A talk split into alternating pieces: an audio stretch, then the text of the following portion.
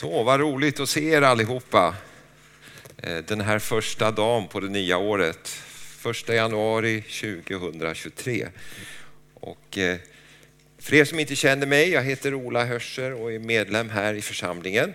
Och det är en jättestor glädje för mig och förmån att få predika här idag, första dagen på nya året. Och låt mig få börja med en kort bön. Lägga predikan i Guds händer. Ja, Herre Jesus, jag bara ber att du ska leda mig med din gode heliga Ande så att det jag säger idag får betyda någonting för de som har kommit hit idag för att lyssna, att jag får frambära ett ord från dig. I Jesu Kristi underbara namn. Amen.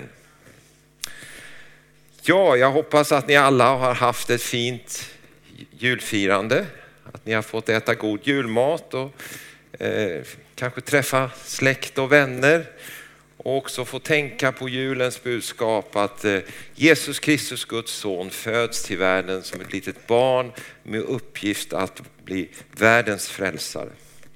Och nu har vi också firat nyår. Vi har fått, eh, som du nämnde här Evelina, gått in i ett nytt år och en del kanske har varit uppe och tittat på nyårssmällare och fyrverkerier.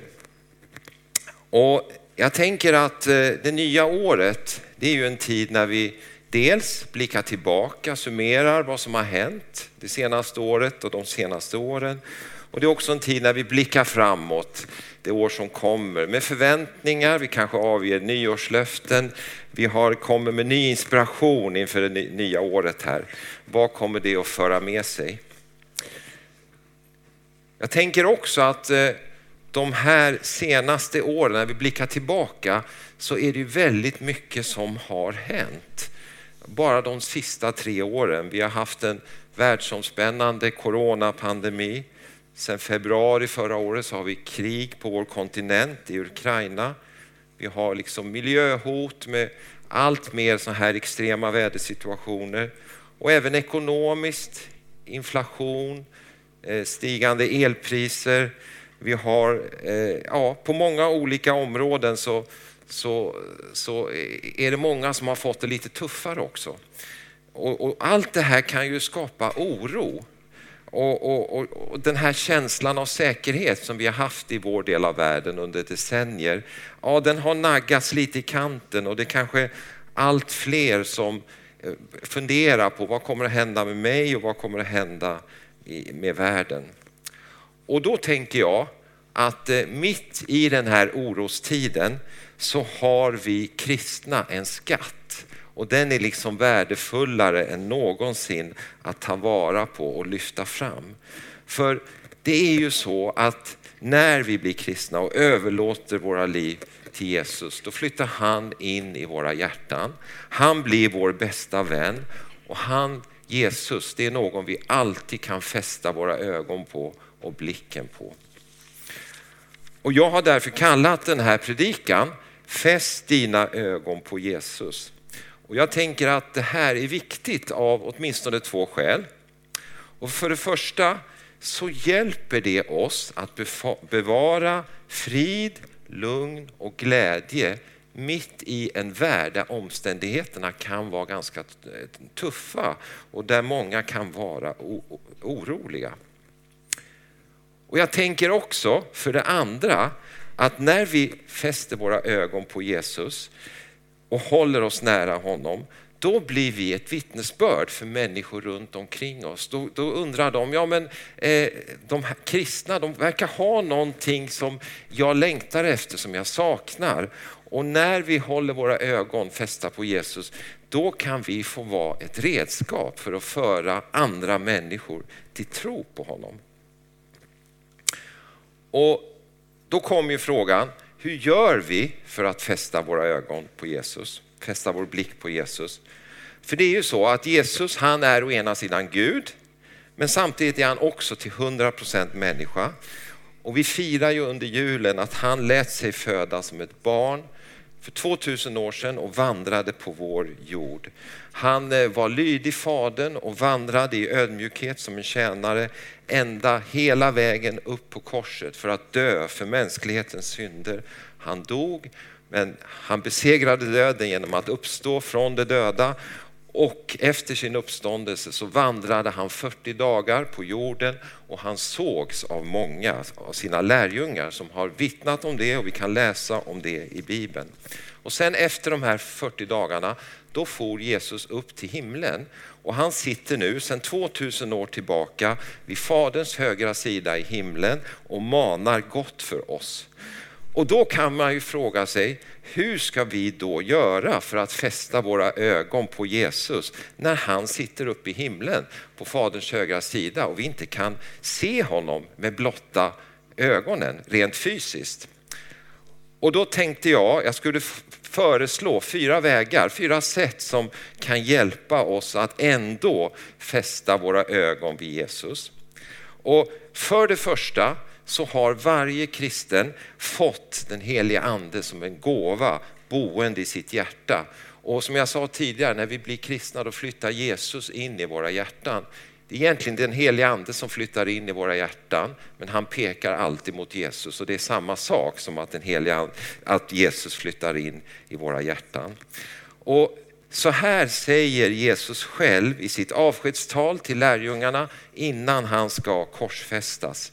Så här, det här kan vi läsa i Johannes evangeliets 14 kapitel, verserna 16 till 18. Och jag ska be Fadern och han ska ge er en annan hjälpare som alltid ska vara hos er. Sanningens ande som världen inte kan ta emot. Ty världen ser honom inte och känner honom inte. Ni känner honom eftersom han förblir hos er och ska vara hos er. Jag ska inte lämna er faderlösa, jag ska komma till er. Så att Gud kommer till oss genom att den helige ande som vår hjälpare flyttar in i våra hjärtan när vi tar emot Jesus i tro. Och den helige ande han kan hjälpa oss på väldigt många olika sätt. Han kan trösta oss när vi råkar ut för det som kan vara jobbigt. Han kan också ge oss kraft och, och, och frimodighet när vi känner oss modlösa. Men han kan också varna oss när vi håller på att vandra lite snett och kanske håller på och, och, och, och eh, fatta fel beslut. Och jag tänker att i allt det här så pekar den helige ande mot Jesus. Han som har frälst oss och dött för våra synder och som sitter på Faderns högra sida nu och manar gott för oss. Så att när den helige ande på det här sättet alltid pekar mot Jesus, då hjälper han oss att fästa våra ögon på Jesus. Det andra sättet som vi kan göra för att fästa våra ögon på Jesus, det är att låta Jesus vara vårt föredöme och tänka på hans liv när han vandrade på den här jorden för 2000 år sedan. Vi kan så att säga fästa våra, liv, våra ögon på det liv som han levde här på jorden för 2000 år sedan och låta det sporra oss. Och så här står det i Filipperbrevets andra kapitel, verserna 5 till 10. Var så till sinnes som Jesus var. Fast han var till i Guds gestalt så räknade han inte tillvaron som Gud som segerbyte utan utgav sig själv genom att anta en tjänares gestalt då han blev människa. Han som till det yttre var som en människa ödmjukade sig och blev lydig ända till döden, döden på korset. Därför har också Gud upphöjt honom överallt och gett honom namnet över alla andra namn för att i Jesu namn alla knän ska böja sig i himlen och på jorden och under jorden. Amen. Det här är ju underbara verser som beskriver att Gud, han vakade inte över sin jämlikhet med Gud i himlen utan han tog på sig det här uppdraget som en tjänare och vandrade i ödmjukhet för vår skull hela vägen upp korset för att ta på sig våra synder. Och då tänker jag att vi kan fästa våra ögon vid Jesu liv. Vi kommer aldrig kunna göra om det Jesus gjorde naturligtvis, men vi kan ändå fästa våra ögon vid Jesu liv och låta det vara en inspirationskälla för oss när vi lever för Gud i den här världen och följer den plan som han har för var, av, för var och en av oss. Och när vi ställs inför olika valsituationer, vad vi ska göra, om vi ska liksom kanske hjälpa människor i olika situationer, då kan vi ställa oss frågan, hur skulle Jesus ha gjort i den här situationen? Och då kan han bli ett föredöme för oss. och hjälpa oss att fästa våra ögon på honom. Men att följa Jesus och låta honom vara ett föredöme, det betyder ju inte att vi ska utplåna oss själva. Dygnet har bara 24 timmar, ingen kan hjälpa alla. Men samtidigt är det så att när vi gör avkall från lite av vårt eget, precis som Jesus gjorde, när vi gör avkall från lite av vårt eget i tjänst för Gud och andra människor, då är det faktiskt så, och det är lite av en paradox, det är då vi hittar oss själva, vilka vi egentligen är. För det är i tjänst för Gud och i andra människor som vi mer och mer kommer in i den plan och de uppgifter som Gud har förberett för oss. Och det är då vi egentligen upptäcker vilka Gud har skapat oss till. Och så här står det i Efesierbrevets andra kapitel, den tionde versen. Ty hans verk är vi, skapade i Kristus Jesus till goda gärningar som Gud har förberett så att vi kan vandra i dem. Det är inte de goda gärningarna som frälser oss. Vi är frälsta av nåd när vi tar emot Jesus i våra liv. Men som tacksamhet för det så kan vi få vandra i goda gärningar och alltmer komma in i den plan som Gud har för oss. För det tredje så tänker jag att eh, vi kan låta andra kristnas liv vara en inspirationskälla för oss och därmed hjälpa oss att fästa våra ögon på Jesus. För när vi ser hur andra kristna som gått före, när vi ser hur de eh, höll blicken fäst vid Jesus, så kan det hjälpa oss att göra samma sak. Och låt mig ta ett exempel från Levi Petrus liv. Ni vet Levi Petrus, han var väldigt viktig som ledare Eh, ledare i svensk pingströrelse under 1900-talet. Han var ju ledare, föreståndare för Philadelphia-församlingen i stan i många år och även som pensionär på 50, 60, början på 70-talet fick han vara med och starta igång många viktiga kristna verksamheter. Vi ska gå tillbaka till året 1907. Levi Petrus är 22-23 år gammal. Ett år tidigare har pingstväckelsen kommit till USA, eh, till Los Angeles, alltså Azusa Street. Den har också kommit till Norge och börjar komma till Sverige. Eh, Levi Petrus har åkt till möten med den kände predikanten T.B. Barrat i Oslo i Norge, eller Christiania som det hette på den tiden. Och under ett av mötena, eller efter ett av mötena, efter predikan så går Levi Petrus fram för förbön och under förbönen så ställer TV Barra tre frågor till honom. Eh, den första frågan, vill du bli vad som helst för Jesus? Den andra frågan var, vill du göra vad som helst för Jesus? Och den tredje frågan var, vill du gå vart som helst för Jesus? Och det var när Levi Petrus fick de här tre frågorna, väldigt ung, så var det massa tankar som for igenom hans huvud. Och det första han tänkte att om jag svarar ja på de här frågorna då utplånar jag ju mig själv. Men sen någon sekund senare så tänkte han, ja men vad är alternativet? Jag vill följa Gud. Så han svarade ja på de här frågorna. Och det kom att betyda så mycket i hans tjänst, att, att han hade liksom avgett de här löftena. Han var redan eh, eh, pastor i Lidköping på den tiden, men de här löftena som han sa under förbönstunden. Vill du bli vad som helst för Jesus? Vill du göra vad som helst för Jesus? Och vill du gå vart som helst för Jesus? Det kommer att bli liksom jätteviktiga för honom i, i framtiden när han fick vara leda, en, av, en väldigt viktig ledare inom svensk pingstväckelse. Och jag tänker oss att precis som Levi Petrus fäste sina ögon vid Jesus när han gav de här löftena, så kan det vara en inspirationskälla för oss att göra detsamma. Men jag tänkte också ge ett annat exempel på att låta andra som har gått före vara en inspirationskälla för oss att fästa våra ögon på Jesus. Och vi ska gå till Hebreerbrevet. Eh, då är det så att Hebreerbrevet skrivs av en författare som, där mottagarna till brevet, de är kristna men de har, håller på att tappa sin frimodighet i sin tro. För de har råkat ut för olika svårigheter och till och med förföljelse. Och då, för, för sin tro. Och då gör författaren så att när han kommer till kapitel 11, då räknar han upp en rad troshjältar från gamla testamentet som litade på Gud, trots att de inte alltid hade blev, fick det de hade blivit utlovade ens under sin livstid. Och han försöker räkna upp alla de här troshjältarna som en uppmuntran till brevets mottagare. Eh, han nämner i kapitel 11 Abel som bar fram ett tro som behagade Gud. Sen blev han dödad av sin bror Kain.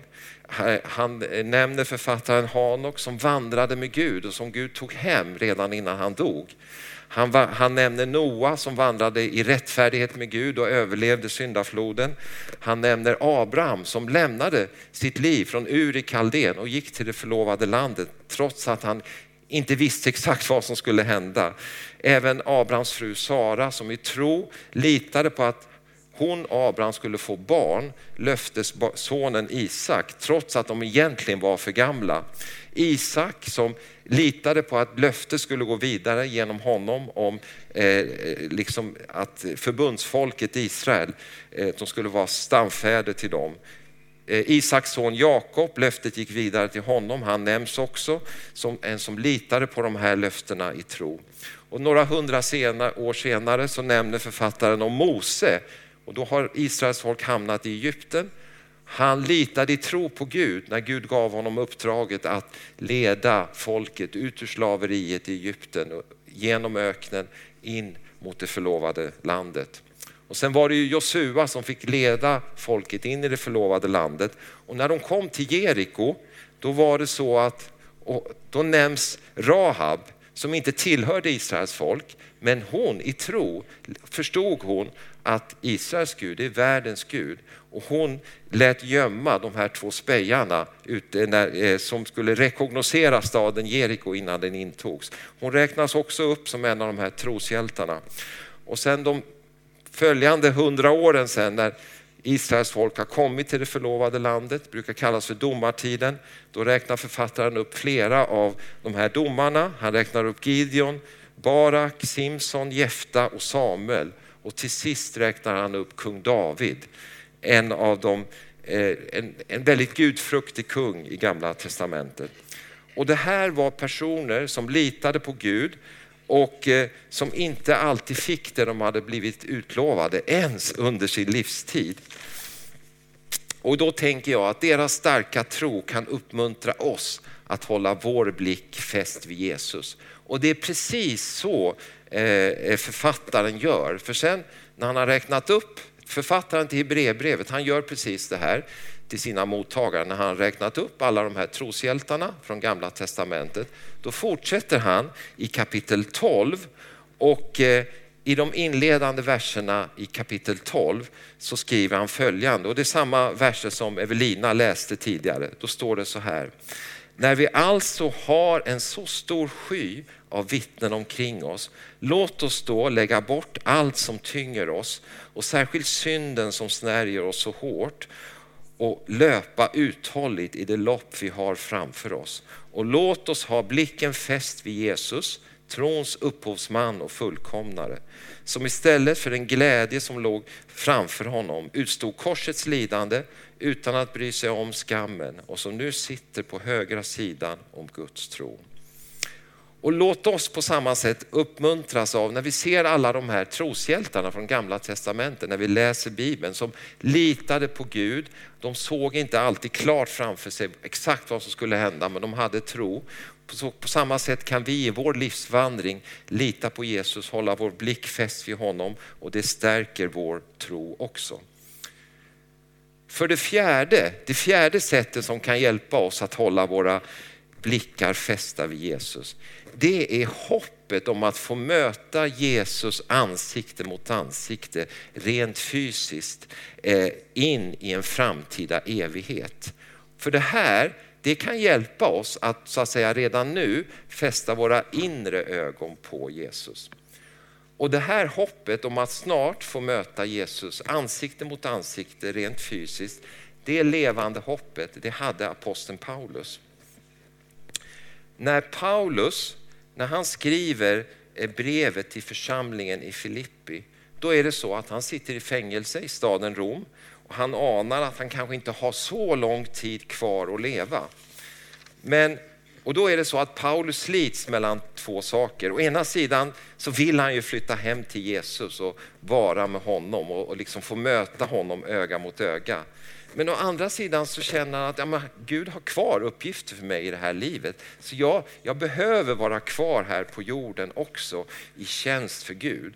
Och så här skriver Paulus i Filipperbrevets första kapitel, verserna 20 till 24. Det är också min längtan och mitt hopp att jag inte på något sätt ska stå där med skam, utan att Kristus nu som alltid ska av mig frimodigt förhärligas i, mitt, i min kropp, vare sig jag lever eller dör. Ty för mig är livet i Kristus och döden en vinst. Men om livet här på jorden innebär att mitt arbete bär frukt, då vet jag inte vad jag ska välja. Jag dras å ena sidan, eh, jag dras åt båda hållen. Jag skulle vilja bryta upp och vara hos Kristus. Det vore mycket bättre. Men för er skull är det nödvändigt att jag får leva kvar. Så att, att den här längtan att liksom tänka på framtiden, att få möta Jesus ansikte mot ansikte rent fysiskt, det innebar inte någon slags verklighetsfrykt för Paulus, utan det gjorde att han blev ännu mer fokuserad på att leva här och nu. För han kände ju att han hade uppgifter kvar för Gud här i vårt liv. Och på samma sätt eh, kan vi bli hjälpta och när vi ser liksom ett framtida möte med Jesus öga för öga. Det kan ge oss kraft att leva här och nu i tjänst för andra. Och jag tänker att vi faktiskt har ännu större skäl än Paulus att sätta vårt hopp till ett mycket snart fysiskt möte med Jesus, öga mot öga. För tecknen på att Jesus snart ska komma tillbaka en andra gång och upprätta sitt rike, de har ju aldrig varit starkare än idag. Och det finns så många tecken som tyder på att Jesus snart ska komma tillbaka upprätta sitt rike på jorden. Och låt mig bara nämna två av de viktigaste tidstecknen. Det första är att judarna, Guds egendomsfolk, de har i modern tid återvänt till sitt hemland Israel. Staten, den moderna staten Israel firar snart 75 år och det här är ju enlighet med många profetier i gamla testamentet, Jesaja bok, Sakarja bok, Daniels bok och så vidare. För det andra så är det så att evangeliet om Jesus Kristus, det har spridits runt om i stora delar av världen. Bibeln har översatts till så många språk. Det här är ett arbete som fortfarande pågår. Och det här är också i enlighet med Jesu eget tal i Matteus evangeliets 24 kapitel då han berättar om vad som ska hända i den yttersta tiden innan han själv kommer tillbaka. Det finns så många andra tidstecken på att Jesus snart kommer tillbaka och det är stoff för en hel eller flera predikningar bara det. Jag nöjer mig med att nämna de här två. Men med tanke på alla de här tidstecknen på att Jesus snart kommer tillbaka så är det kanske så att vi får möta Jesus ansikte mot ansikte redan under det här livet. Eller också får vi göra det efter att vi dör och så får vi möta Jesus då som Paulus fick göra. Men oavsett vilket så tänker jag att det här hoppet, levande hoppet om att vi snart får se Jesus rent fysiskt ansikte mot ansikte, det får vara en hjälp för oss att fästa våra inre ögon mot honom här och nu och hjälpa oss i det här livet. Jag börjar nu närma mig slutet på min predikan och låt mig bara lite kort sammanfatta vad jag har sagt. För vi har precis gått in i ett nytt år, vi har börjat 2023 och kanske du gör det både med förväntningar och glädje och inspiration inför det nya året, men kanske också med en viss oro med tanke på allt som händer i världen. Men oavsett vilket så tänker jag att eh, jag har försökt att uppmuntra dig att eh, du ska fästa dina ögon på Jesus vad som än händer. Och jag har nämnt fyra sätt som vi kan fästa våra ögon på Jesus. För det första så nämnde jag att Gud har gett oss den helige ande som en hjälpare som hjälper oss genom livet. Och eftersom den helige ande alltid pekar på Jesus så hjälper han oss att hålla våra ögon fästa vid Jesus. För det andra så nämnde jag om Jesu liv här på jorden för 2000 år sedan, att det kan vara ett föredöme för oss. Hans självuppoffrande liv i kärlek, där han var lydig Fadern hela vägen upp till ett kors. Låt det hjälpa oss att hålla våra ögon fästa vid Jesus i den livsvandring vi har och de uppgifter som Gud har gett för oss. Och sen nämnde jag för det tredje att vi kan fästa våra ögon vid Jesus genom att ha andra kristna som gått före oss som inspirationskälla, som hade sina ögon fästa vid Jesus. Och jag nämnde Levi Petrus och hans liv och jag nämnde flera av de här troshjältarna från gamla testamentet som vandrade i tro och litade på Gud. Och för det fjärde så kan vi låta hoppet om att snart få, få möta Jesus ansikte mot ansikte Antingen att han kommer tillbaka under vår livstid eller efter, vår, eh, efter att vi dör, att vi får flytta hem till Jesus. Oavsett vilket så kan det här hoppet om att snart få möta Jesus ansikte mot ansikte, det kan också hjälpa oss här och nu att fästa våra ögon på Jesus. Och när, som jag sa i början av predikan, när vi fäster våra ögon vid Jesus, då ger det en stabil grund för våra liv. En frid som är, liksom blir en, en, en som är, går på djupet och som finns kvar där vad som än händer i vårt liv och vad som än händer i vår värld runt omkring oss.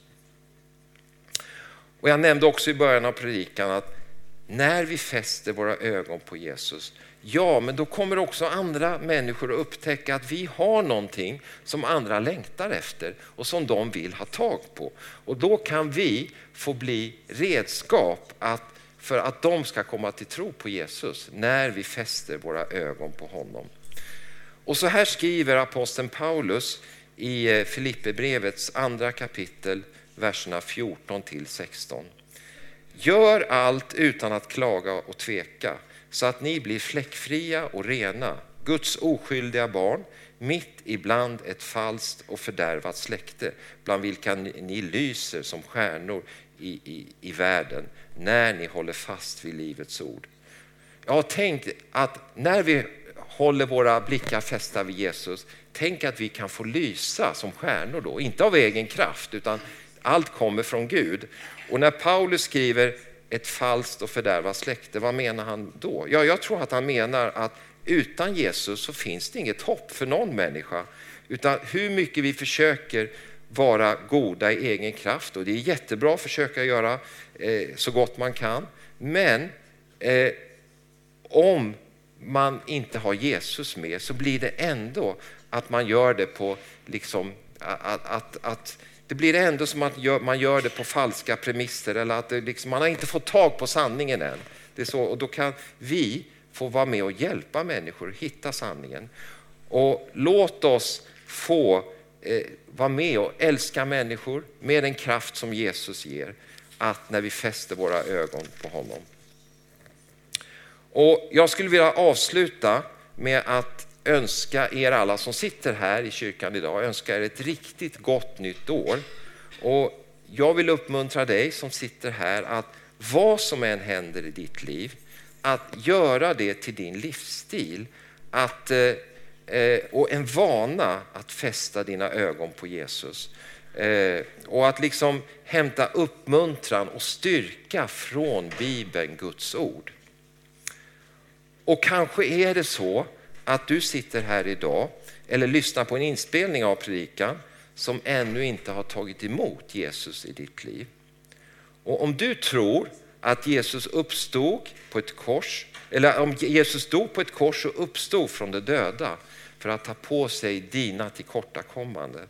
Ja, då kan du be om förlåtelse för dina synder och bjuda in Jesus i ditt liv.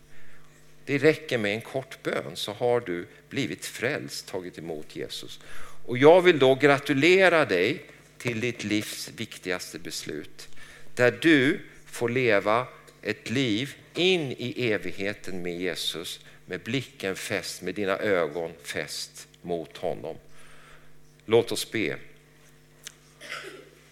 Ja, Herre, jag, jag vill bara tacka dig för alla mina vänner som sitter här idag som har, vi har gått in i det nya året och du ser att ja, vi, vi har gått in i det nya året med förväntningar, med glädje, kanske också med oro. Och nu ber jag att du är med var en som sitter här idag, att, att, att, att fästa och hålla sin blick fäst vid Jesus, Herre. Trons upphovsman och fullkomnare, Herre. Hjälp oss att hålla vår blick fäst vid dig genom den heliga Ande som du har gett oss. Tack för att vi kan få vandra Eh, ledda av den helige Ande. Tack också för att vi kan få ha dig som föredöme Jesus, när du vandrade på den här jorden för 2000 år sedan Herre. Och det hjälper oss i vår livsvandring. Och tack Herre för att vi kan låta andra kristna som har gått före, deras exempel få vara en inspirationskälla för oss att fästa våra ögon på Jesus. Och tack också för att vi har det här levande hoppet att vi snart kommer att få möta dig ansikte mot ansikte, Herre. Och det hjälper oss att hålla våra ögon fästa på dig här och nu. Och Herre, nu vill jag be för var och en som sitter här. Du, ser, du vet vad var och en tänker, vad man kanske brottas med och vad man längtar efter. Nu ber jag att du ska uppfylla var och ens behov och önskningar inför det nya året. Och jag ber också att ge, ber om kraft, att vi kan fästa våra ögon på dig och eh, eh tjäna dig och följa dig. Eh, för att eh, liksom som en, som en hjälp och ledsagare genom livet men också till välsignelse för andra. Och vi ber för vår kommun Sollentuna, vi ber för vår värld runt omkring oss, en värld som behöver dig. Herre, vi ber om nåden att få vara använda av dig så att vi kan få lysa som stjärnor, inte av egen kraft, all kraft kommer från dig, men att vi kan få vara till välsignelse för andra människor. Jesu namn. Amen.